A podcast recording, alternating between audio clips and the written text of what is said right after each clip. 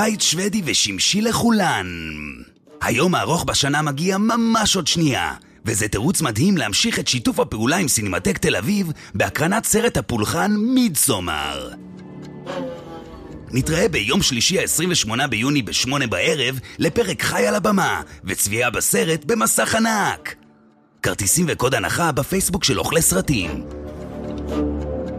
רכשתם כרטיסים? אז אפשר להתחיל.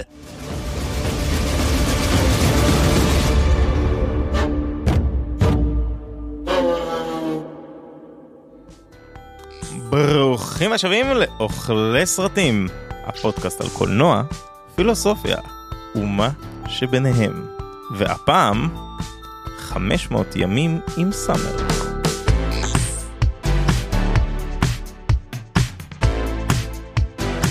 אז ברוכים השבים לאוכלי סרטים הפודקאסט על קולנוע פילוסופיה ומה שביניהם וכמו תמיד אני ליעד הרמן יזם וכולי קולנוע ואיתנו באולפן ארנון רוזנטל, דוקטורנט לפילוסופיה ושחקן. ניתאי דגן, תסריטאי, במאי וקשה לי עם פרידות באופן כללי, אני פשוט לא יכול עם זה. כן, אנחנו נכנסים לאיזה מעין תקופת קיץ כזו תקופה רומנטית אנשים מתחתנים אנשים נפרדים והחלטנו שנעשה זוג פרקים האם זה רומנטיקה? אני לא עובד בזה, סליחה. למה זה מצחיק אותך? אבל כבר אמרנו את השם של הסרט למה למה לא, כי אני לא מבין למה אנחנו עושים פרק על הסרט הזה. כי זה סרט מעולה ואנחנו חייבים לדבר עליו. אני חייב להגיד שאני איתך לגמרי אשכרה. זה סרט שעושה לי להתגרד בכל הגוף זה סרט שעושה לי רע בטירוף אני לא מבין. אולי רק בשביל זה שווה לדבר על זה אבל נכון. ניתאי כן. אתה קראת לנו ועל כן על אחריותך לתת לנו תקציר oh my god, אני כל כך לא מתורגל בזה, אתה כבר 60 פרקים עושה את זה. נכון. אוקיי אז אני אתן לנו תקציר ידעתי, איזה קל לגרום לך לתת תקציר. מרק ווב 2009 500 ימים עם סאמר. אנחנו פוגשים את תום. רגע אחרי פרידה שנראית מאוד מאוד משמעותית. כל החברים הכי טובים שלו קוראים מהר ובחירום רב לאחותו בת העשר כדי לשמוע את הסיפור של מערכת היחסים ששברה את ליבו. וככה אנחנו מגלים מה היה ב-500 הימים שלו עם סאמר. סאמר, זוהי דה שנל, בחורה המושלמת האומנם, תום מתאהב בה והיא נפרדת ממנו, ועל הנייר אנחנו כביכול במערכת יחסים נורמטיבית לגמרי. אבל בסוף אנחנו מגלים שאולי לא מדובר באמת באהבה, ואולי תום יזכה להזדמנות שנייה עם בחורה בשם סטאר. אוטם.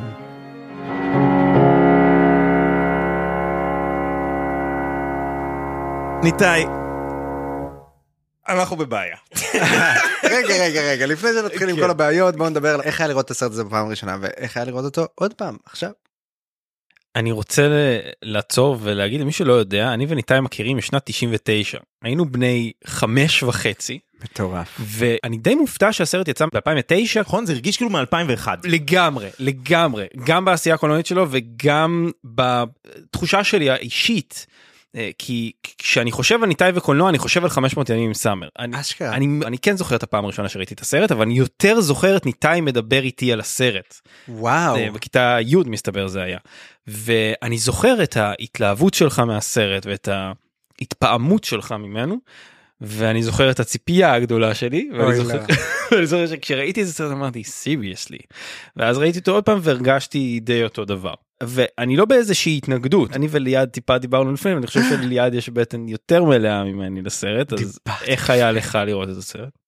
אני חייב להגיד שהצפייה הראשונה בו לא השאירה בי איזה חותם גדול. הוא, הוא קוטלג לי בראש בתור הסרט החמוד הזה, אבל משהו שם לא, לא טוב. כאילו ככה, ככה זכרתי אותו. וכשהעלית את זה, זה לא פעם ראשונה שאתה מעלה את הסיפור של הסרט, ואף פעם לא הרגיש לי נוח לעשות פרק על זה. אז אמרתי, טוב, ניתן מה שרוצה, בוא נראה את זה עוד פעם. ראיתי אותו ממש עכשיו, כי סיימתי לראות אותו לפני רבע שעה. מדהים. אני מת על זה שמישהו מאיתנו בא, זהו, שהוא בא פרש, שנייה פרש, אחרי שהוא. ראה, כן. תשמע, הסרט הזה עשה לי להתגרד בכל הגוף. הוא זוועת עולם נוראית ואיומה. אה, וואו. הוא לא עשוי רע, אבל הוא סרט מרושע.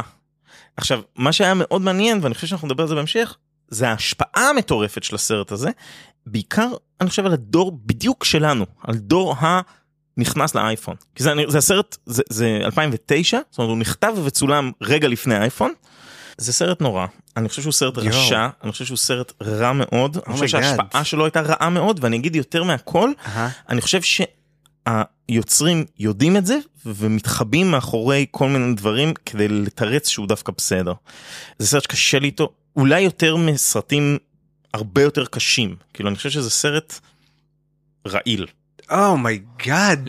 ניתאי, תעזור לנו, הצל אותנו. כן, כי בא לי, בא לי, אין, אני אף פעם לא בא לסרט ברע, אני תמיד רוצה לאהוב סרט. כן. זה סרט זה דבר שאתה רוצה לאהוב. ברור. אז תעזור כי אני לא מוצא איך. וואו, איזה מילים קשות, סרט רעיל זה מילים קשות, בעיקר בפורמט שהוא אך ורק מילים, אבל לדעתי הפעם הראשונה שראיתי את הסרט באמת הייתה איך שהוא יצא ב-2009, באמת יצאתי נפעם מהסרט, וזה היה בדיוק מהסיבה ההפוכה שאני נפעם ממנו היום, יפה. וזה בגלל שכשהייתי בכיתה י' הסכמתי עם הגבר הרעיל שבמרכז הסרט, הסכמתי עם תום, אמרתי איך היא יכלה לעזוב אותו, והייתי כל כך איתו בפרידה ולא האמנתי, והייתי, זה היה, זה חצוף בעיניי ואיזה נוראיתי, ובדיוק אז למדתי מה זה מניק פיקסי דרימגרל, שאנחנו ניכנס למונח הזה בהמשך, בכלל בהקשר של קומדיות רומנטיות ועוד יותר בהקשר של קומדיות רומנטיות היפסטריות שהתחילו ישר אחרי הסרט הזה. אה, יאמר לזכות זוהי דה שנל וקריסטין דאנסט שלא משחקת בסרט הזה שהם אה, חלוצות הדמות הזאת או הקלישאה או הטרופ של הסוג דמויות הזה. וראיתי את הסרט עוד כמה פעמים מאז ובאמת אה, דעתי קצת התערערה על הדמות האיומה של הגבר במרכז הסרט והיום כשראיתי את הסרט אני פשוט 100% בטים סאמר וזאת גם הסיבה שאני חושב שהסרט לא רעיל ואני חושב שעוד מעט ניכנס לזה יותר לעומק ואני אבין למה אתה מתכוון אבל אני חושב שהאלמנט שהיוצרים כביכול מתחבאים מאחוריו כדי להפוך את הסרט הזה לסרט סבבה במרכאות אני חושב שזה הלב של הסרט הסיבה שהוא נעשה ויותר מזה.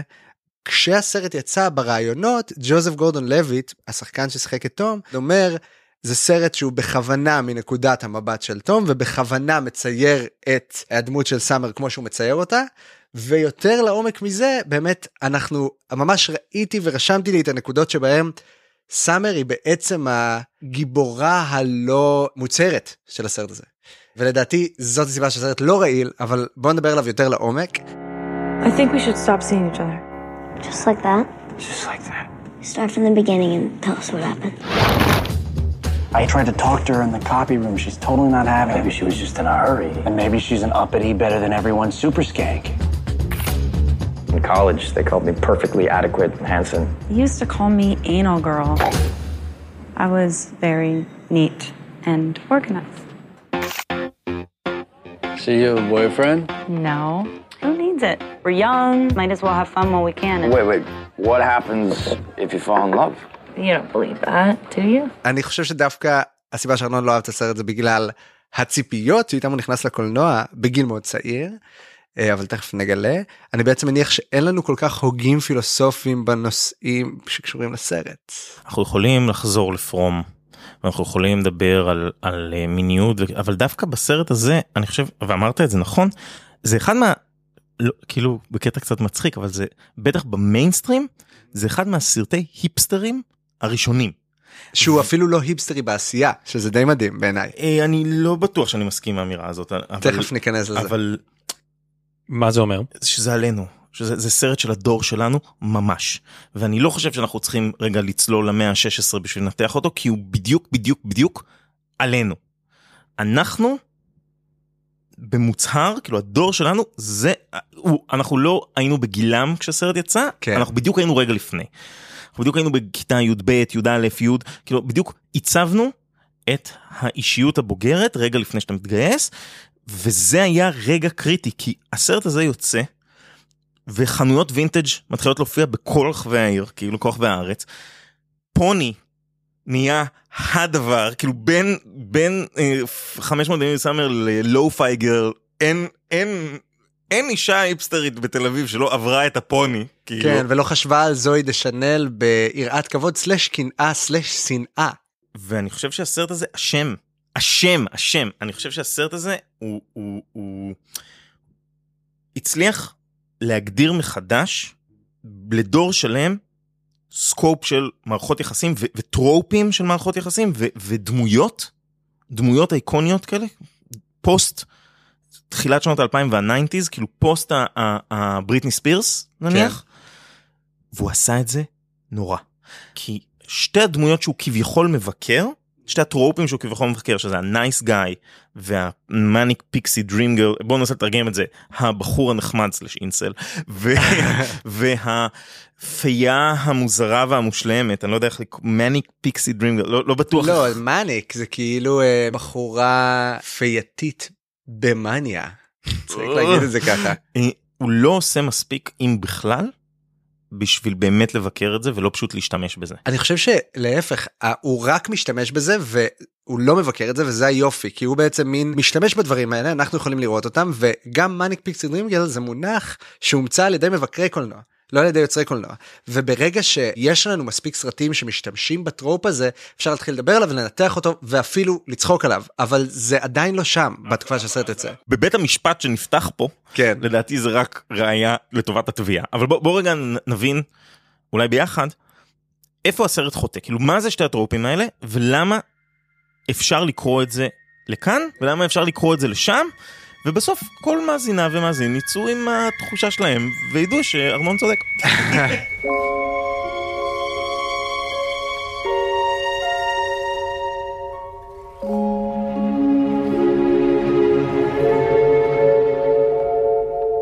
This is a story of boy meets girl.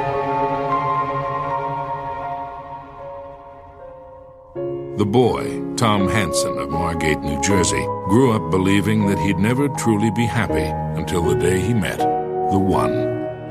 This belief stemmed from early exposure to sad British pop music and a total misreading of the movie The Graduate. אז בואו רגע ננתח את הטרופים האלה, את שתי הדמויות האלה. הנייס גאי, שזה גם, כמו שאתה אומר, זה, זה כשאתה צופה, זה כמו פילם נואר, זה מה שאתה מגלה אחרי שאתה צופה בהרבה הרבה סרטים. והנייס גאי זה, זה דמות של בחור שהוא כביכול האיש הטוב. הוא לא המניאק, הוא לא הבוגד, הוא לא ה... הוא, הוא הגוד גאי, כמו תום שלנו, כמו ג'... כאילו גורדון לויט עשה על זה קריירה, בסדר? גם אה, ג'ון יוז עשה על זה קריירה. ג'ון יוז היה כותב קומדיות רומנטיות בתכלס באמת הייתי זה היה כאילו מין תור הזהב שלו ג'ון יוז במועדון ארוחת הבוקר למשל לוקח סוגים שונים של תלמידי תיכון ובתוכם יש גם את ה nice guy שהוא שחקן בלונדיני מעולה אני לא זוכר את שמו ומאז תמיד בכל אה, סרט של ג'ון יוז יש לך מין או ברוב הסרטים של ג'ון יוז יש גיבורה נשית ויש לה את החבר הטוב ונגיד ב-16 נרות וב Pretty in Pink אפשר ממש לראות את ה... מודדות צמודות, נכון? כן. היא רוצה את הבד גאי ויש את זה שמצחצח את השיניים והוא הגוד גאי. מה הבעיה שזיהו בטרופ הזה של הגוד גאי? וזה בעיה שהיא היא מאוד מאוד נוכחת גם בעידן האינטרנט עוד יותר, שהגבריות הרעילה של הגוד גאי מתבטאת בזה שלמעשה ישנו underlining contract, איזשהו חוזה לא כתוב. אני אהיה טוב אלייך, אני אוהב אותך, אני אהיה persistent, אני אהיה עקשן בחיזורים שלי כלפייך, ובתמורה את תאהבי אותי ואת תשכבי איתי. וזה סרט, אם אנחנו עוקבים אחרי הקומדיות הרומנטיות משנות ה-80, בטח לפני, אבל עד כמעט היום למעשה, אנחנו רואים שה story arc של גבר, ובדרך כלל הוא דווקא דמות משנית, אבל זה לא כזה משנה, ה story arc של ה nice guy, מסתיים בזה that he gets the girl because he is the good guy. כן כן אבל אבל אתה אתה נראה לי קצת אה, לוקח את זה למקום שהוא טיפה יותר אה, אה, חריף ממה שזה כי בקומדיות רומנטיות זה לא חוזה לא כתוב בין הגבר לאישה זה הבעיה בטרופ הזה היא בעיה של תסריטאים ולא של הרצון של הדמויות. תגדיר. ברגע שאתה אומר אני אהיה טוב אלייך אני אהיה נחמד אלייך ובתמורה תשכבי איתי זה כאילו רצון של דמות ברגע שאתה שם את זה פשוט בגוף שני ודווקא זה לא החוזה החוזה הלא כתוב הוא כשתסריטאי אומר יש לה את הבחור שהיא רוצה הוא obviously הבחור הרעיל והלא טוב בשבילה הוא ה bad boy כאילו ה- גם עוד טרופ של כאילו האופנוען הקשוח ג'יימס דין מעיל שחור כאילו הוא רגיש אבל לא יודע איך להגיד את זה ואז מי שהיא לא ראתה כל הזמן זה בעצם הבחור שהיה נחמד אליה הבעיה היא לא שהוא. מרגיש entitled לזכות בבחורה. הבעיה היא שהוא זוכה בה כפרס. וזה, זאת בעיה של תסריטאים. כן אני, אני משתכנע מניתאי כלומר מה תום עשה רע אז תכף נגיע למה תום עשה רע, אבל ב nice guy של בתולדות הקולנוע יש הרבה רע. המונח friend zone שהוא מונח איום ונורא בעיניי. שהוא מונח, נכון, הוא מונח זוועה, עשית על זה סרט. הוא מונח של nice guys. הוא מונח של טד מוסבי הוא ה nice guy אולי האולטימטיבי. רוס? כן, רוס הוא. nice guy קלאסי. כן. זה אנשים שכביכול מצוירים כגיבורים. אה, טד מוסבי, ללא ספק, הוא הגיבור של How I Met Your Mother. הוא המספר. כן. אותו דבר תום. טד מוסבי מתעצבן ואנחנו כקהל ובעשייה הקולנועית נאמר לנו, מסומן לנו בשפה הקולנועית, להתעצבן יחד איתו, שמישהי מעיזה להכניס אותו ל friend zone. מהו ה friend zone? אני לא רוצה אותך כבן זוג, ולא אבל- אכפת לי שנהיה חברים. ובדיוק בגלל זה אני חושב שהסרט הזה מעולה, בגלל שהוא לא שם, להפך, הוא טועה. בדייט הנוסף שהוא יוצא עם הג'ינג'ית, אחרי שהם כבר נפרדים, הוא שיכור וגרוע ומתנהג אליה נורא, ואז הג'ינג'ית אומרת לו, בזמן שהוא עושה קריוקי, רגע, היא בגדה בך? לא. היא עשתה לך משהו רע? לא. היא אמרה לך מההתחלה שהיא לא רוצה להיות בקשר? כן. אוקיי. בלי להגיד כלום, אנחנו יודעים שהוא מספר לו מהימן, ושהוא לא אינטייטל לקבל את לא הבחורה. מסכים. אני לא מסכים, אני חושב שזה הפלסטר. זה והמשפט בפתיחה זה לא סיפור אהבה, זה שתי המקומות היחידים. הרבה יותר. לא מסכים. אני לא מסכים בכלל. ראית אותו עכשיו. ראיתי אותו עכשיו, עכשיו, עכשיו. בדיוק בגלל זה אתה נורא נורא רגשי לגביו, ודווקא לא, אני כי, חושב אבל שהוא... באתי בחיפוש, מהמם. חיפוש, to redemp this movie, לתת לו את הכפרה שמגיע לו כאיזשהו סאטירה, כאיזשהו אה, אה, ניסיון לעקוף את הנייס גאי, להראות אותו כאיבל, הסרט לא עושה את זה, אפילו לא טיפה. אני, אם אני רגע עושה, מנסה לגבש את, את הוויכוח הזה שהוא נורא מעניין, אני חושב שבסופו של דבר הסרט הולך על חבל דק מאוד, אולי דק מדי, שיוצר את האי נוחות הזאת.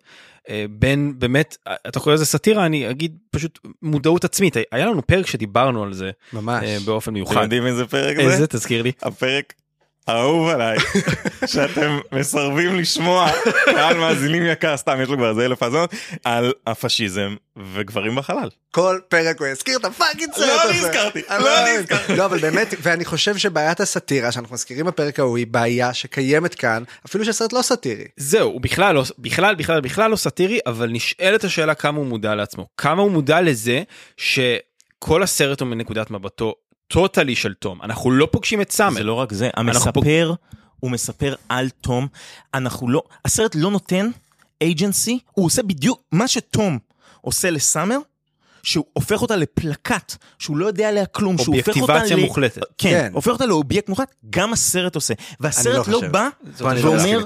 הסרט לא בא ואומר לו, רגע, היא בן אדם אמיתי? להפך הוא אומר.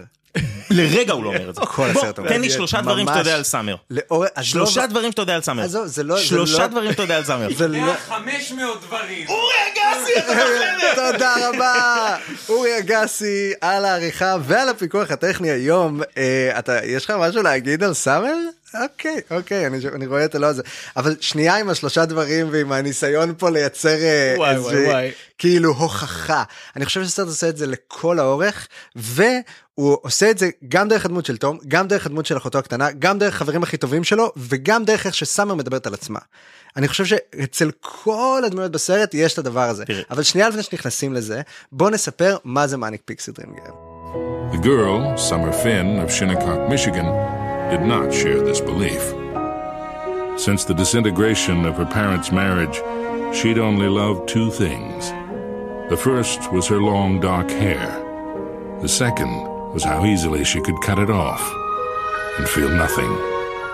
מאניק פיקסי דרים גרל זה נתבע על ידי אה, עיתונאי בסרט של קריסטין דאנס שהוא יצא ממנו ואמר אני לא מאמין שקיימות דמויות נשים כאלה אה, ובעצם הוא מתייחס לסוג מסוים של בחורה. מדובר בבחורה שהיא. אדונה לעצמה, היא חופשייה לגמרי, היא אה, כולה רק אה, פקעת אה, רגשות והיא נורא קפריזית ועושה כל מיני דברים נורא ספונטניים ולרוב שמים את ה manic pixie dream girl ליד הגבר החדש, הגבר הרגיש, שלאו דווקא תמיד ה nice guy, תמיד כדי להעביר אותו מסע. היא אי אפשר תמיד קוורקית, כן. היא תמיד סקסית אבל בדרכה שלה. ותמיד מאוד תרבות אה, נישה, היא, ולא- היא צובעת את השיער לצבעים מוזרים. קלמנטיין. רמונה מסקוט פילגרם נגד העולם, שמש נצחית בראש צלול. שהשפיע על הסרט הזה המון בעיניי. כאילו אתה רואה את הסרט הזה, אתה רואה האיש חולה על שמש נצחית, כאילו אין איך, אין איך להפוך את זה. כזה. ובניגוד לשמש נצחית דווקא הוא כן מצליח להיות אה, הרבה יותר חיובי ורומנטי. אתה יודע מה? כשנכנסתי לסרט הזה, היום, אמרתי לעצמי, הלוואי ויקרה לי מה שקרה לי בפרק שלנו בשמש נצחית. שבאתי ברע, ויצאתי מאוהב. טוב, אבל צ'רלי קאופמן הוא תסריטאי שקשה להגיע לרמה שלו, הוא באמת תסריטאי שעושה פה סלטות אינטלקטואליות מדהימות באוויר. אני מסכים, וזה עובד לו, ודיברנו על זה בפרק שלנו שם, שבו באתי הכי ברק, כי הרגשתי שיש לזה את כל השטיקים של אינדי, אבל יצאתי מוקסם כי יש בו אמת. בסרט הזה מרגיש לי הפוך. עכשיו- יש בו את כל השטיקים של אינדי, אני רואה סרט שבעצם אני נרדם בקולנוע, ואז אני בתוך הסרט, וזה סרט על כלבים. אה, ושוב, אם אני שם רגע שנייה את הרעילות בצד, זה הלא קיימת אגב. מרק ווב זה בסך הכל הקולנוע שלו אחרי זה הוא קולנוע סבבה הספיידרמנים שלו שבאמת גם החלקים הטובים בהם זה המערכות יחסים והוא במאי קליפים אני חושב שגם בגלל זה אתה נורא אוהב את הסרט הזה כי הוא יודע להעביר ב image אחד כביכול סיפור. הבעיה שזה נורא נורא נורא שטחי. בעיניי סרט זה לא. סיפור זה רגש וזה מה שיפה בסרט הזה ודווקא כשיצאנו מהקרנה של האביר האפל חברים פנו אליי ואמרו אה, אנשים שלא אהבו את האביר האפל קודם אמרתי אה תבוא תראה אותו על מסך גדול אתה תעוף עליו וזה. חבר טוב שלי בא אליי ואמר לי כזה. זה סרט שכלתני אני לא מאמין מה זה הדבר הזה ואז אמרתי אשכרה אנחנו עושים מלא סרטים שכלתניים ואנחנו נהנים מהשכל שלהם ומה שיש בסרט הזה בכמויות מטורפות זה רגש. I love the Smiths. Sorry? I said I love the Smiths. It- You've you've good taste in music. the Smith? Yeah. To die by your side is such a heavenly way to die. I love them.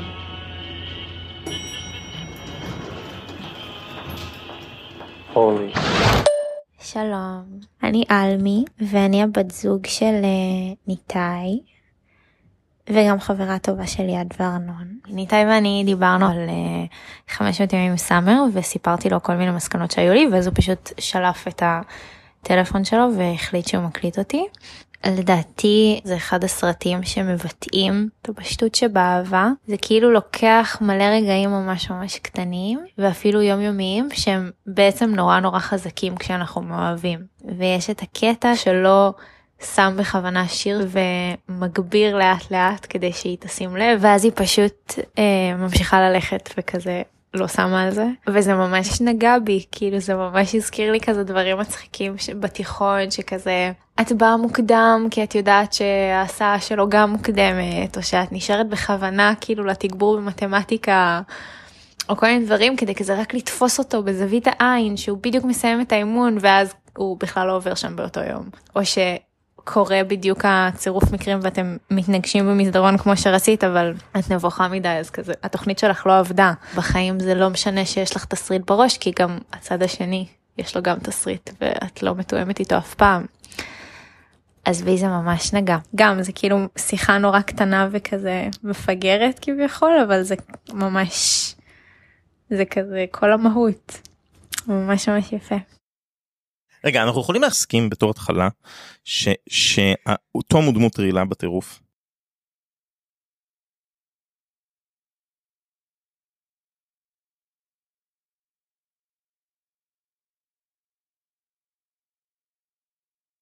זה פרשנות שהיא רחוקה מהמציאות בגלל הרגשות שלו. כן וצריך להפריד בין תום לבין הסרט אני חושב כן.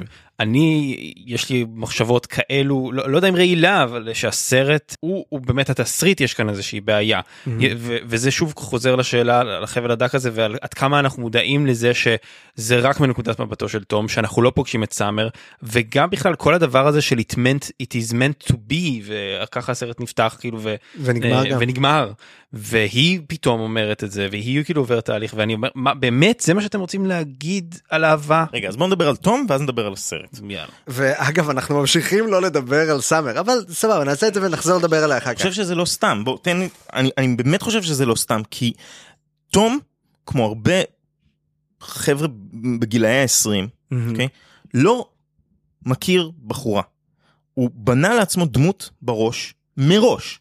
של בחורת החלומות הוא פוגש באישה יפה מאוד הוא מחליט מראש שהיא נערת החלומות שהוא בנה לעצמו ולאורך כל הסרט הוא לא לומד עליה כלום. לא ישבתי- אתה- אתה יש- ממש ממש מתעקש על זה וזה אני לא נכון. מתעקש על זה כי ישבתי עם פנקס Mhm. וספרתי את כל הדברים שאנחנו יודעים עליה. אנחנו יודעים. עליה שהיא אוהבת את רינגו סטאר משהו שהוא צוחק עליו שוב פעם ושוב פעם ושוב פעם פעם אחת. וכל דבר אחר שהיא אומרת או מדברת עליו זה בתגובה ישירה לתום עצמו. היא רוצה שהוא יהיה אדריכל כי היא רוצה שהוא יגשים את עצמו כדי שיהיה לא טוב.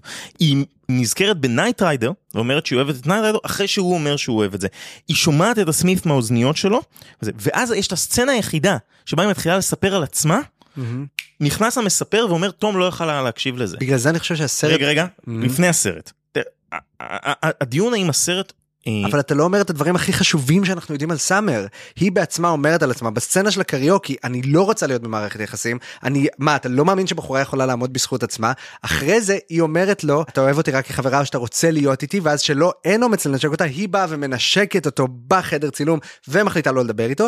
ואנחנו כל הזמן חוזרים לסצנת פרידה שהיא אומרת אנחנו סיד וננסי אני סיד אתה ננסי. ויותר מזה ברגעים שבהם הוא מחליט לראות את המערכת אבל- יחסים כמו אבל- שהיא באמת הייתה אז הוא בעצם רואה איפה היא לא הייתה שמחה ואיפה היא לא יכלה להגיד לו דברים שהיא לא אמרה והסרט ואנחנו כן רואים ואנחנו כן מבינים וזה דבר, הרבה יותר משלושה דברים שאתה יודע אבל סאמר. זה לא נכון, זה לא נכון כי הסרט בשפה הקולנועית שלו, כשאתה מגיע לרגע קריטי של רומנטיקה אמיתית, זה כשהיא חוזרת בגשם ומתנצלת בפניו על משהו שהוא היה בו לא בסדר. לא אבל יש הרבה מאוד רגעים של רומנטיקה והסרט כל הזמן subverting את.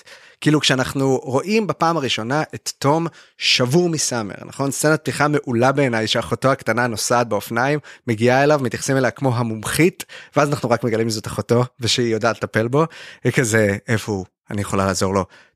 Put the plate down ואז היא מגיעה והיא מדברת איתו והדבר הראשון שאנחנו רואים זה מין supercut של כל הרגעים הכי יפים. אחד מהם זה שהם מתנשקים על כריות צהובות באיזה top shot. יותר מאוחר בסרט אנחנו רואים את אותו שוט ואחרי הנשיקה הזאת היא מפסיקה והיא אומרת לו אני לא מוכנה להיות בקשר. אתה יודע את זה? זה בסדר שאני אכנס לקשר ככה והוא אומר כן בסדר אתה בטוח כי הרבה גברים לא יכולים לעמוד בזה. הוא אומר לא אני אני חושב שאפשר ומחזיקים ידיים וכאילו כבר בדבר הזה דרך עשייה קולנועית בלבד אנחנו רואים איך ראינו רק את הנשיקה קיבלנו רק את מה שתום ראה מזה וראינו שבקונטקסט של הסצנה אם אנחנו אובזרבנט מספיק אנחנו רואים אה היא אמרה לו straight up שהיא לא רוצה אותו היא לא מוכנה להיות בזוגיות איתו וכל מה שהוא זוכר זה את הנשיקה. וזה קורה עוד שלוש פעמים בסרט אבל זה זה דרך עשייה קולנועית מראה לך שזה לא סתם לצאת אה, ידי חובה שהוא לא גבר רעיל זה באמת מה שהקולנוענים ישבו ועשו. הם עוזרים לנו באמת אולי להבין שהוא delusional. בהתחלה הם גם אומרים הקשר בין האירועים שקורים בסרט למציאות מקרי בהחלט חוץ ממך שם של בחורה שברת לי את הלב יו ביץ' כאילו כבר מההתחלה אנחנו יודעים שהתסריטאי מצהיר על עצמו כמספר לא מהימן וכגבר דביל. ואחד הדברים שמאוד מאוד קשים זה שאומנם הבמאי והשחקן וזה מדברים כמה תום הוא איש רשע וכשאתה רואה רעיונות עם התסריטאי הוא אומר כן זה על אשתי לשעבר והיא צריכה להישרף כאילו. אז הוא אינסל. Tom meets Summer on January 8th. He knows almost immediately she's who he's been searching for. This is a story of boy meets girl. But you should know up front, this is not a love story. הסרט הזה הולך על חבל דק אבל הוא עושה את זה בצורה מאוד רעה ואני חושב שההוכחה הכי משמעותית וזה מהצד שלנו המאוד גברי בשיחה הזאת היא בתחילת הפרק הזה שבו אתה אמרת אני בתור ילד בן 17 ראה את הסרט הזה וכל מה שהבנתי ממנו זה שתום מסכן ושהוא בסדר ושככה צריכה לראות מערכת יחסים ושהיא לא בסדר על זה שהיא לא מוכנה להיות איתו. ואז אנחנו היום 15 שנה אחר כך ואנחנו כדור היינו צריכים לפרק מעלינו את המסרים האלה. אבל זה לא רק הסרט הזה בכלל קומדיות רומנטיות ואני חושב ש... אחלה, אבל הסרט הזה מתיימר להגיד שהוא נגד זה. לא, אני מסכים איתך מאוד. הסרט הזה אבל הוא באמת נגד זה כל העשייה הקולנועית. אני, אם אתה רוצה שניתן לו את ה-benefit of the doubt, אז הוא לא עושה עבודה מספיק טובה בלהראות את זה, כי כשאתה יוצא מהקולנוע בגיל 15, כי אני בן 15. הוא מזדהה עם אבל תום. מי קהל היעד של קומדיות רומנטיות? זה לא משנה זה לא משנה יש הבדל בין צפייה של ילד בן 15 לבין צפייה של בן אדם שמבקר קולנוע. לא מסכים, ואני חושב שהילד בן 15 שלך מרגיש ככה, כי בסוף הסרט עדיין מראים לנו שתום הגיבור, והוא מוצא פשוט עוד קורבן, וזה מוצג לנו כניצחון. לא ממש לא. אני חושב שהוא הקורבן של עצמו קודם כל, הוא זה שזורקים אותו והוא זה שהוא הבדיחה על חשבונו בסופו של דבר. לא? כן גם הפרידה הזאת באיזשהו שלב בסצנת שיא של הסרט הדבר שהיה לי הכי אה, חזק וחריף ויפה. זה דבר שלא יכולתי להגיד לעצמי בגיל 15 זה שהפרידה הזאת זה הדבר הכי טוב שקרה לו. וזה דבר שבגיל 15 עזוב קומדיה רומנטית. כשאתה שומע סיפור של חבר שעבר פרידה, אתה לא יכול להגיד, פרידה זה הדבר הכי טוב שקרה לו, אתה לא יכול. ומה שמדהים, שדרך הפרידה הזאת הוא מפסיק להאמין במערכות יחסים אה, כדבר מקרי וגורלי, הוא מצליח להפסיק את המשרה שלו במשרד וללכת אחרי החלום שלו, וכל זה, כשהוא אומר את זה לסאמר, הוא עדיין אומר, אני שבור, אני לא יכול, אני לא יודע להתמודד, והיא אומרת לו, להפך, התפיסה שלך של מערכות יחסים גרמה לי לראות מערכות יחסים אחרת. צדקת כל הדרך. לא, לא אתה צדקת כל הדרך. זה מה שהיא אומרת לו. היא לא. אומרת לו את זה ב- ב- בטקסט, אבל זה אבל- אפילו לא סאבטקסט. לא. יש את האחד, הוא נמצא שם, פשוט אני ספציפית לא הייתי זאת, אז עכשיו לך תמצא קורבן ממש לא, חדש. ממש לא. זה- תראה, ארנון לא רואים אותו, אבל הוא מאוד מסכים. זה אבל- אגב יותר מעניין אותי מלדבר על תום וזואי דשנל אבל תמשיך. לא, מה שאני אומר זה לא תמצא לך קורבן אחר וצדקת שיש את האחד. צדקת שיש כזה דבר מקריות באהבה. וזה מה שחשוב. מה זה אומר מקריות באהבה? שהוא אומר, אין כזה דבר מקריות, אין כזה דבר גורל, גם כל הקטע של כרטיסי ברכה, אני לא מאמין יותר באהבה כמו שהיא. אה, הוא האמין בהתחלה הכל היה סימן. כן, הכל היה על זה, ואז היא אומרת לו, לא, הבחור שהתחתנתי איתו, בא אליי במקרה לקפה שלא הייתי ולא יכולתי. ואם שתי דקות לא הייתי. זה אז הם לא היו נפגשים. כאילו, כן, לא ו- ומה שהיא אומרת לו שהוא הכי חזק והכי התחברתי ובאמת בכיתי בסצנה הזאת עכשיו שראיתי את הסרט היום, היא אומרת, איתו הייתי בטוחה במה שלא הייתי בטוחה איתך אף פעם. משפט שכילד בן 15, איזה כואב זה, היא לא הייתה בטוחה בזה שהיא אוהבת אותו, איך לעזאזל היא יכולה? כבן אדם עכשיו שאני רואה, היא פשוט אומרת את האמת שלה. אני לא הייתי בטוחה שאני אוהבת אותך, וזה בסדר לא להיות בטוחה, ואמרתי לך את זה לאורך כל הדרך, ואני לא צריכה להיות מאוהבת בך כדי שאתה בכלל תסתכל עליי כבחורה. זה, הצדקת הזה, צדקת שאני עומד מאחוריו, וזה לא צדקת בקטע של תמצא לך קורבן אחר, זה בכלל לא מדובר איך בקורבנות. הסרט נגמר? בזה שהוא מזמין מישהי לצאת. day one. הוא לא מזמין מישהי לצאת, הוא הולך, והנער היית אומר, וסוף סוף תום למד את הלקח. ואז זה עוצר יחד עם תום, ואז הוא אומר, רגע, רגע, רגע, אני כן מאמין בכל זה, חוזר מהר אליה, והם יוצאים. סוף סוף תום למד את הלקח. ואז הוא לא אין למד את כזה הלקח. דבר אהבה, אין כזה דבר מקריות, כל דבר הוא מנוע מהדבר הרומנטי הזה שקיים באהבה, ואז הוא עוצר, ואז הוא אומר, אה, הוא היה די בטוח בזה. זה לא מצא קורבן אחר כדי להיות עוד פעם הבן אדם האיום שהוא כגבר. לא, זה לא, זה, אוקיי, זה לא, זה, הוא מצא עוד מישהי לזרוק עליה את כל המאהבים שיש לו, ללא קשר למי שהיא. מאוויים. מאוויים, סליחה. כן. ואני עדיין חושב שהדמות הזאת פגומה. ואני גם חושב שהיא לא עוברת שינוי. ואני חושב שכל Mm. הדברים האלה הם דברים שהם באים לזכות הסרט ולא נגדו. כן. בעיניי. זה ככל שאנחנו מניחים שהם מודעים לזה והם עשו את הפעולה הזאת וכנראה לא בצורה מספיק מדויקת בשבילך.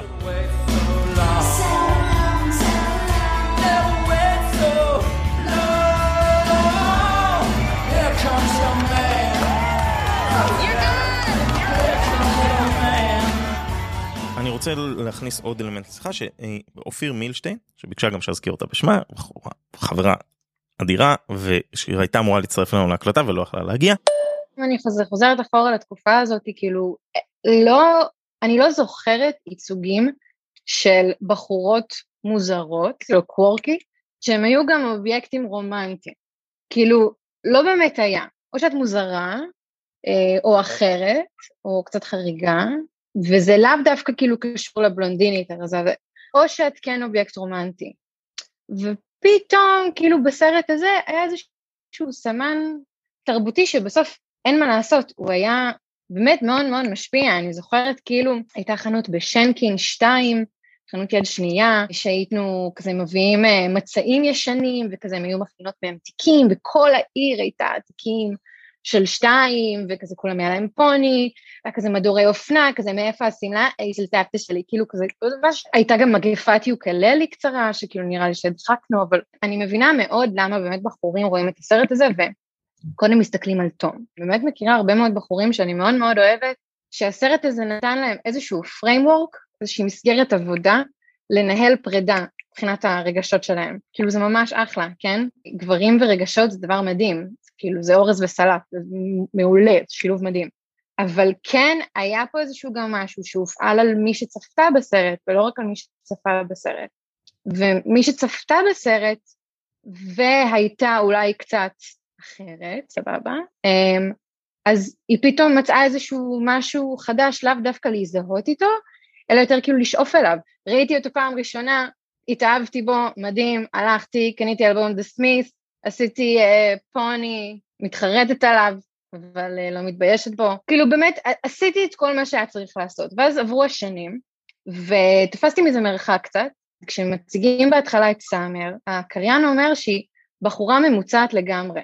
עכשיו, כשאני צפיתי בסרט הזה וראיתי את השורה הזאת, אני הצפ... כאילו התעצבנתי בטירוף. היא עטופה בכל כך הרבה דברים, שכל כך קשה לתפוס את כולם ביחד. כאילו, היא צריכה להיות מסתורית, אבל מאוד מאוד מאוד מאוד פתוחה, מאוד מאוד דברנית. והיא צריכה להיות אה, ביישנית, אבל פתוחה לעולם, נכון? היא צריכה להיות מוזרה, אבל לא ממש מוזרה, כאילו, לא מוזרה ברמת ה... אברי לוין אה, כוססת את הציפורני אה, רגליים שלה. לא, אברי לוין לא יכולה להיות אה, סאמר, נכון? צריכה להיות מוזרה ברמה שהיא מאוד מאוד מאוד נעימה. היא לא נראית כמו בחורה ממוצעת, היא לא מתנהגת כמו בחורה ממוצעת, היא לא בחורה ממוצעת. כיצירה, ובטח בקונטקסט, בהשפעה התרבותית שלה על הדור שלנו, היא יצירה, יכול להיות שלא בכוונה, אבל היא יצירה רעילה, כי היא גרמה לך בגיל 15 לצאת מהקולנוע ולחשוב שלהיות תום זה בסדר, והיא גרמה לאופיר לצאת מהקולנוע ולחשוב שלהיות מניק פיקסי דרימגרל זה משהו לשאוף אליו. אבל בדיוק כמו אתה מחבר זה הדבר שהכי חשוב להכניס כאן, כי היצירה עצמה לא רעילה. ברגע שהבמאי, ברגע שהשחקן וכל מי שעוסק ביצירה מנסה להציג משהו אחד, ואני כצופה רואה משהו אחר, זה עליי. והמסלול שאני עושה מול הסרט זה עליי ואני אומר את זה לא כצופה ולא כמבקר אני אומר את זה כיוצר קולנוע. אני כשאני בא ליצור משהו אני רוצה להביא חוויה מסוימת. אם מישהו אחר ראה את הסרט ועבר חוויה אחרת זה עליו היצירה שלי לא רעילה. יכול להיות אבל שמתוך ההשפעה התרבותית של הסרט הזה אם הוא התכוון למשהו אחד ויצר משהו הפוך כנראה זה גם קצת על הסרט עלול להיות. בכיף זורם על זה מסכים מסכים לגמרי פשוט להגיד יצירה רעילה עדיין כמו בתחילת הפרק מרגיש לי מילים חריפות זהו שוב אני מרגיש שהבדיחה היא על חשבונו בסופו של דבר והסיפור הזה הוא על חשבונו והוא מוצג בתור איזה איש דלוז'נל לחלוטין שלא מקבל בסוף את מה שהוא רוצה וכן מקבל את ההתחלה החדשה. המילה קורבן היא בעייתית בעיניי והיא בגלל ש, שהוא לא איזה פושע הוא לא סאמר היא לא קורבן שלו הוא קורבן של עצמו והיא ב mind שלו איזשהו עיוות של משהו שלא קיים. אנחנו רואים את זה בחברים שלו חברים שלו שאחד נמצא במערכת יחסים מאז התיכון והשני הוא כביכול רווק הם סקסיסטים שוביניסטים ברמה מגעילה והסרט מציג לנו אותם כדי שתום ירגיש יותר טוב עם עצמו אבל הוא מעולם לא עומד בניגוד אליהם הוא מסכים עם חבר שלו שאיזה בת זונה היא שהיא מעיזה לנפנף חבר שלו בחדר מדפסות ולא מדבר איתה אחרי זה 12 יום בגלל זה הוא פשוט לא אומר את המילה קאנט אז זה בסדר. ואז אולי עוד יותר גרוע כי הוא לא באמת הוא כאילו מתחפש אה, לגוד גאי. לגוד גאי ועכשיו, והסיפור פה ניתן וזה אולי זאת הנקודה של הפרק כן שלנו. אם ניקח את זה לאקסטרים. Okay? אוקיי? אם אתה יצרת יצירה בכוונה וזה מחזיר אותנו לג'ינגואיסטיות של גברים בחלל וזה מחזיר אותנו לגל של גזענות ברשת שנוצר בעקבות הסרט הג'וקר. זה מחזיר אותנו ליצירות כאלה שגם אם כוונת המשורר הייתה לייצר איקס, אם הסרט לא לקח מספיק צעדים אקטיביים כדי להבהיר את זה בצורה שהיא טובה ודה פקטו יצר הפוך מ-X, דה פקטו יצר רוע או מקום לא טוב, על מי האחריות אם לא על הבמאי. זה כל היופי בעשייה הקולנועית של הסרט שבכלל לא דיברנו עליה ויש הרבה מה להגיד אבל אם סרט אמור להגיד דבר אחד והוא הולך ואומר אותו באופן קליר בלי להטיל ספק ובלי לשאול שאלות מסביב פשוט אומר את הדבר מדובר במניפסט בעיניי. לא, זה גם משעמם בדרך כלל. גם משעמם גם מדובר במניפסט כרגע אני כותב שלוש סדרות רשת לשטראוס אחת על חלבונים שתיים על מגדר ואני עובד עם נשות חינוך וכל מה שאני צריך לעשות זה לוודא שמה שאני אומר באופן שהוא מאוד ויזואלי וחמוד ונעים וכיף לצפייה ו engaging זה המסר שהן רוצות והמסר שהתזונאי שאני עובד איתו רוצה. ובגלל זה זה ממומן על ידי שטראוס ובגלל זה זה גם דבר שהוא כאילו לא קולנוע בעיניי. אני עושה את זה אני נהנה מזה זה אחת העבודות שאני הכי שמח לעשות אבל זה לא קולנוע. ברגע שהסרט עושה את מה שהוא עושה בתחבולות שהוא עושה בעדינות שהוא עושה והחבל הדק שמאפשר לנו בכלל לנהל את השיחה הזאת מדובר באמנות ויכול להיות שהפרשנות של אופיר היא פרשנות אחת, הפרשנות שלי היא פרשנות שנייה. כשאני בא ורואה את הסרט שוב, אני רואה אותו בצורה אחרת לגמרי. זה מה שיפה בסרט, וזאת הסיבה שאני חוזר וצופה בו שוב. לא כי הוא איזה גולת כותרת פילוסופית, איזה השפעה תרבותית חוצבת גבולות, לא. כי אני נהנה לראות אותו עוד פעם, ואני נהנה לראות בו את המשמעויות החדשות שאני רואה, כי אני משתנה, והסרט נשאר אותו דבר.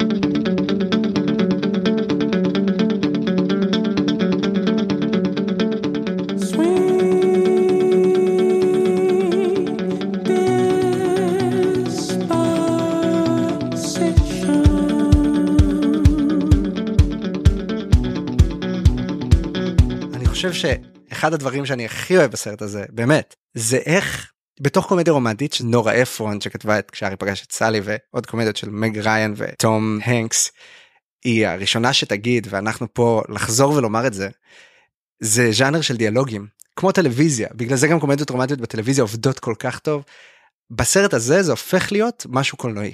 כאילו יש דבר שנקרא set piece שהסברנו את זה בפרקים הקודמים אבל נסביר את זה עוד פעם. שבעצם זה כמו סיפורים קטנים שמנותקים מהסיפור הגדול של הסרט שבגללם אתה זוכר את הסרט. אה, המוזיקה של הוולקיריות ב... אה, אפוקליפסה עכשיו. כן. הקרב ב- בשדה תעופה במרוויל סיביל וור ווטאבר. נכון ההגעה הראשונה של הטירקס בפארק היורה. האורגזמה של, של הסנדוויץ' כשארי פגש את סלי. אז פה מרק ווב מצליח לעשות את זה בכמה רגעים שאני פשוט לא יכול לא לחשוב עליהם כשאני אומר את השם של הסרט בין אם זה הבוקר אחרי שהם שכבו וה flash mob ואיקאה. והסצנה באיקאה והציפיות מול מציאות ה split screen היפהפה הזה אני לא רוצה להיות מניאק אבל כל אחד מהרגעים האלה פשוט רשמתי לי מאיזה סרט הוא גנב אותה. לא גם גם כל הרגעים של הגל קולנוע הצרפתי שיושב בקולנוע ורואה את נכון וברפלס ואני מסכים איתך ששוב פה כבמאי קליפים זה החוזק זה גם החוזק של הסרט הוא באימג'ים שלו לגמרי. לגמרי. פשוט ההבדל המהותי בעיניי בינו לבין כל סרט של נורה אפרון הוא שאצל נורה אפרון יש שתי דמויות ופה יש דמות וכלי.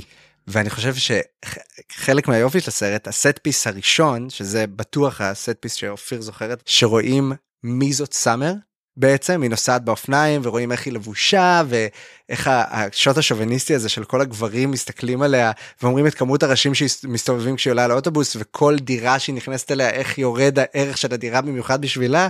ברור שכל בת רוצה להיות סאמר וזה נורא אבל מצד שני זה גם כשאני רואה את זה אני אומר איזה יופי כי מדובר בין אם אני רואה בפעם הראשונה את זה כשמתארים את סאמר בפעם השנייה שאומר כמה אני אוהב את סאמר ושומעים voice over שלו מדבר על הדברים הטובים ואז כמה אני שונא את סאמר את כל הדברים הרעים אנחנו בעצם בכל אחד משלושת החלקים האלה רואים תפיסות שונות של תום זה פשוט לא as clear בראשון ברעיל כביכול אבל זה כן clear בשניים האחרים. אמרת הכל. בכל הסצנות שאנחנו רואים את סאמר אנחנו רואים תפיסות שונות של תום. היא לא נוכחת. היא לא דמות נוכחת בסרט וזה מטריף אותי זה מטריף אותי זה היא הכל היא זה היא כל היא הכל שלי היא החיים שלי היא, היא, היא אבל היא לא קיימת.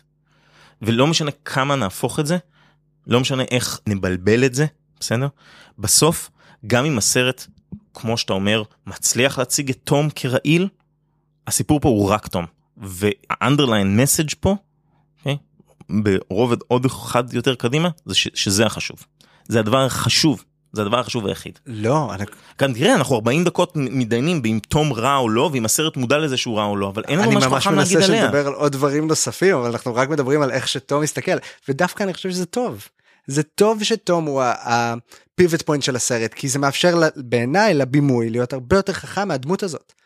הבימוי מאפשר לנו לראות את הדבר הדק הזה והרגיש הזה שאנחנו לא מסכימים עליו. לא, ו- ובאמת אם נסכם את זה אז אפשר באמת לשאול האם באמת יש כאן דמות וכלי או שמא דמות שאנחנו רואים לנגד עינינו שמסתכלת על בן אדם אחר ככלי לחלוטין או וזאת באמת שאלה האם סאמר כפי שאנחנו רואים אותה מבעד למצלמה היא באמת סאמר או פשוט וכנראה שלא איזשהו ייצוג כבר או אובייקט כבר של תום אבל שוב אם הסרט ניחן במודעות עצמית אז הסרט הוא באמת על תום ש...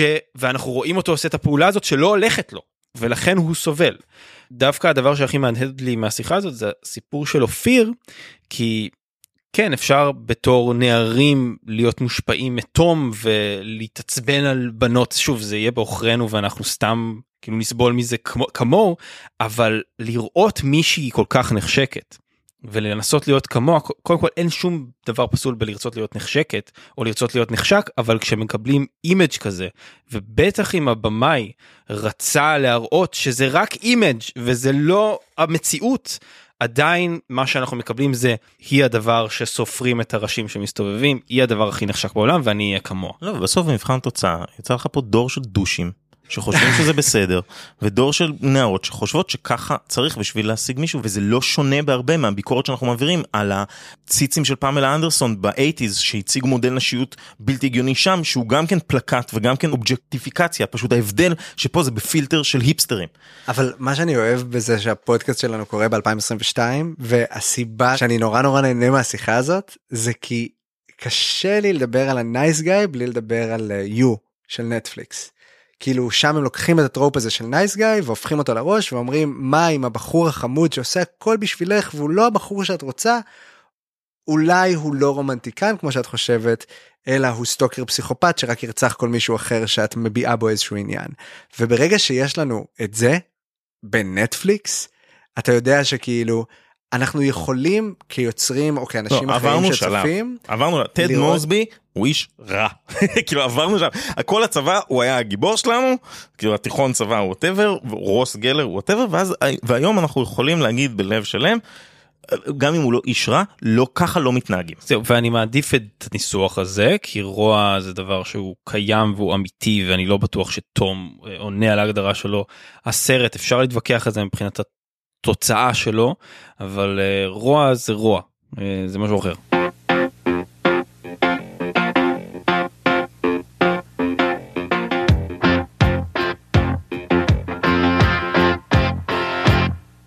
אכלנו את 500 ימים עם סאמר גם אם הפעם בפרק הזה הרגשתי שזה היה מאוד מכיוון אחד מרכזי אבל זה היה לי לפחות סופר מעניין.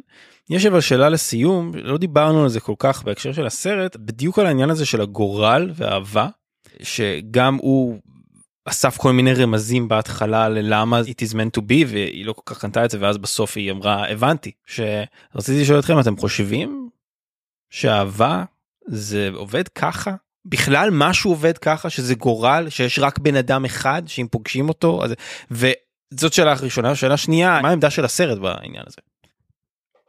בוא נענה לראשונה קודם. תשמע הפרק הבא שלנו על הרומן שלי עם אני אה, שמציג גרסה אני חושב מאוד אחרת למערכת יחסים אולי נראה אני לא ראיתי אותו הרבה זמן.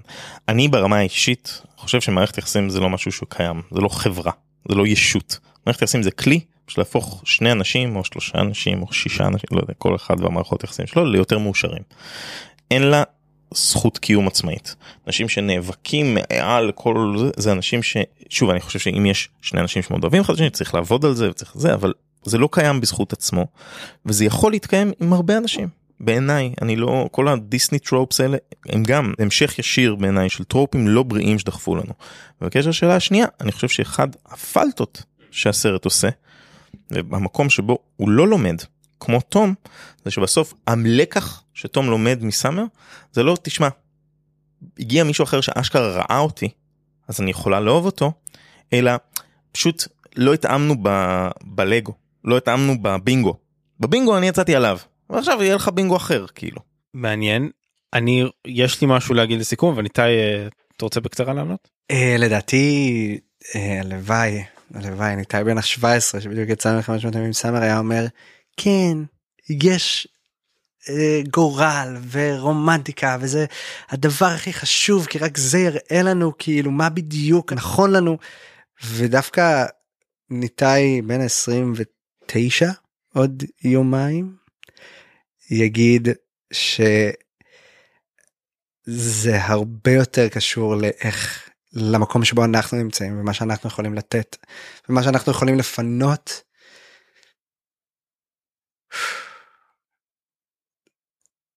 Oh אני כועס עליו כל הפרק אבל אני מת עליך. יואו היה שווה רק בשביל הרגע הזה. יואו, קשה לי לדבר. למה זה מדיום לא מצולם? לא, לא, יש בזה משהו חמוד שזה לא מצולם. אה, מה שאנחנו, וואו. אגדה. וואו. כאילו אמרנו שהפודקאסט הזה יביא אותנו למקומות, אבל... אני לוקח פול קרדיט על הרגע הזה. היינו בראפ. ואני שאלתי את השאלה הזאת ופשוט שברתי לליטה את ריסקתי. נכון, אני במצב מוחכם בחיים. מה שאנחנו יכולים לתת ומה שאנחנו יכולים לפנות לנו מקום בלב לקבל. סיימתי את המשפט. הצלחתי לסיים את המשפט. ג'יזוס. בנימה כזו שאין לתארה. אומר טוב יש לי הרבה דברים להגיד על צירופי מקרים וזה לא לעכשיו אולי נעשה על זה פרק פרק בונוס אפילו. לו רק הפרק הבא היה גם עוסק בקומדיות רומנטיות ובאהבה. לא רק לא רק אבל כן אני חושב שכל שני מקרים זה צירוף מקרים ואנחנו ב mind שלנו מקשרים ונותנים משמעות לדברים שפשוט קורים. ומצד שני אני הרבה פעמים יש רגעים ש... אבא שלי או זוגתי או זה אומרים איך יכול להיות שפגשתי את ההוא בזמן ש... והתשובה שלי זה כי יש מלאכים כי יש מלאכים כי כי יש סדר כוס ואני לא מאמין בזה אבל לפעמים כיף להגיד את זה ולהרגיש את זה. וואו זה מה שאני מי חושב. אתם? יש יש מלאכים יש מלאכים אז אבל אנחנו יודעים מי הרגשן ומי הקוסמי ומי הציניקן המניאק. אמר ליעד והצביע על עצמו אז אכלנו את 500 ימים עם סאמר. טעמנו אכלנו, טעמנו, בכינו, הרגשנו, צעקנו, צחקנו. היה הכל, היה הכל, לנו לפחות היה הכל שמע, הזה. הפרק הזה, או ההקלטה של הפרק, כל כך הרבה יותר משמעותית לי מהסרט, אני לא יכול להסביר לך. וואו. אה, זו הזדמנות להגיד תודה רבה, תודה רבה לאורי אגסי על הפיקוח הטכני. שיושב איתנו כן. זה רוצה להגיד שלום? מדהים. שלום. תודה רבה ליובל קורן ולרן רייטן על העזרה עד היום, תודה רבה לסינמטק תל אביב, וספציפית לקאלה לבנה שנתנו את החדר שלה היום, חפשו אותנו בסטוריז, אנחנו גם מקרינים פה ב-28 ביוני את מידסומר הקרנה פלוס הקלטה, תבואו, יהיה מאוד מאוד מגניב, האביר האפל היה ממש כיף, תודה רבה לכן ולכם המאזינים והמאזינות שלנו, ששולחים לנו סרטונים, ממליצים עלינו בפודקאסטים אחרים, סתם מאזינים לנו. תודה. תספרו לחברים על הפודקאסט, זו הדרך הכי טובה להפיץ אותו, ואנחנו נשמח שיהיו עוד ועוד ועוד מאזינים, לא כי אנחנו מתים על זה, אלא כי באמת אנחנו עושים משהו שהוא חשוב לנו. אני רוצה להודות לך, ניתאי. תודה רבה, תודה רבה לך ליעד. תודה לך רבה לך, ארנון. תודה רבה לסרט שדיברנו עליו ולכם קשה לי לכעוס על יצירה שהוציאה כזה דיון. יס, שינינו אותו. אנחנו היינו אנחנו. ואתם הייתם אתם. ביי!